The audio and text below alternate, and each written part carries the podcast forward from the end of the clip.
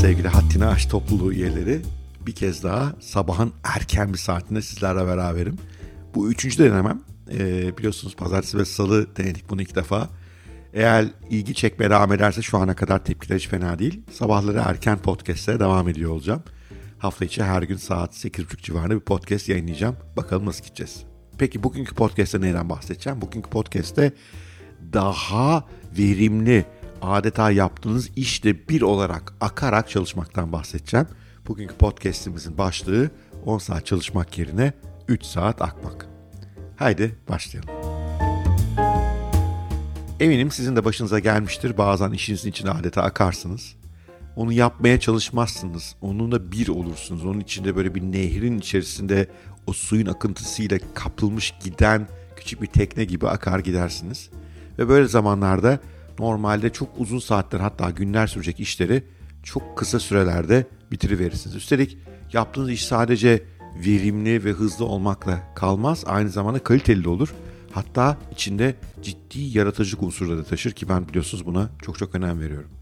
Böyle zamanlar benim de en üretken olduğum, en iyi yazılarımı yazdığım, en iyi podcastlerimi hazırladığım zamanlar oluyor. En iyi de eğitimlerimi hazırladığım zamanlar oluyor.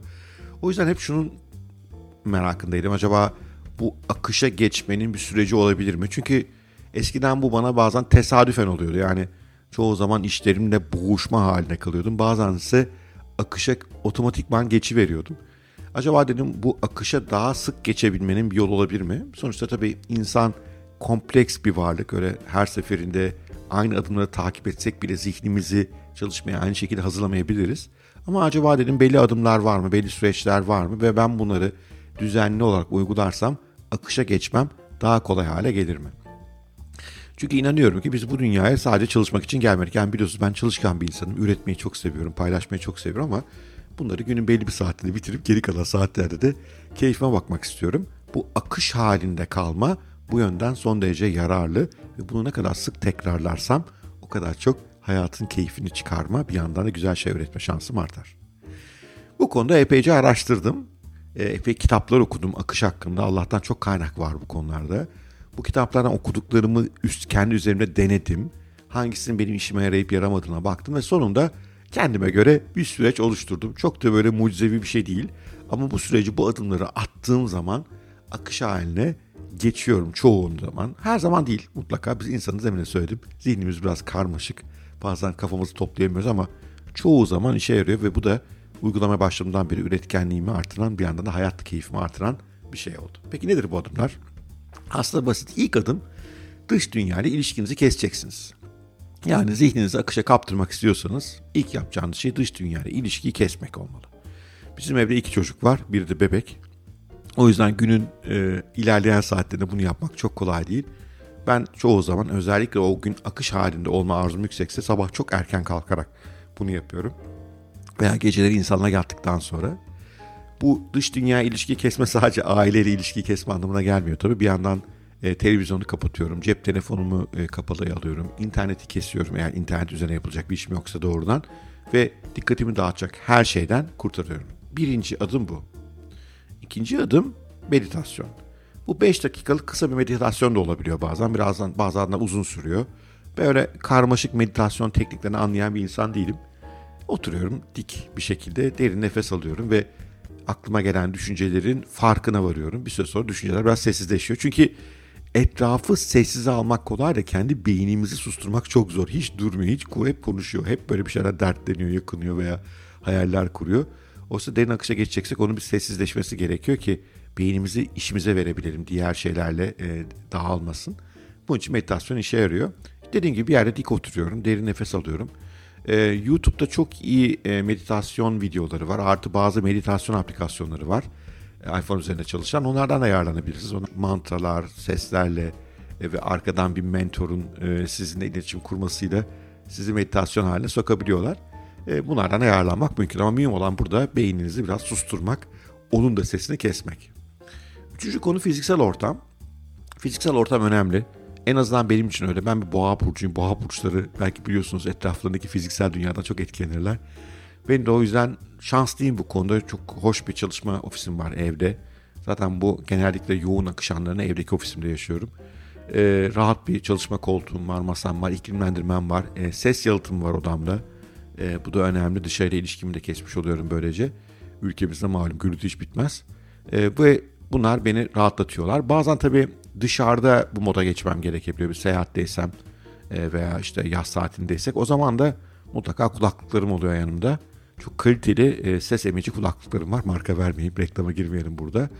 Ve orada da e, Spotify üzerinden dinlenebilecek müthiş konsantrasyon müzikleri var.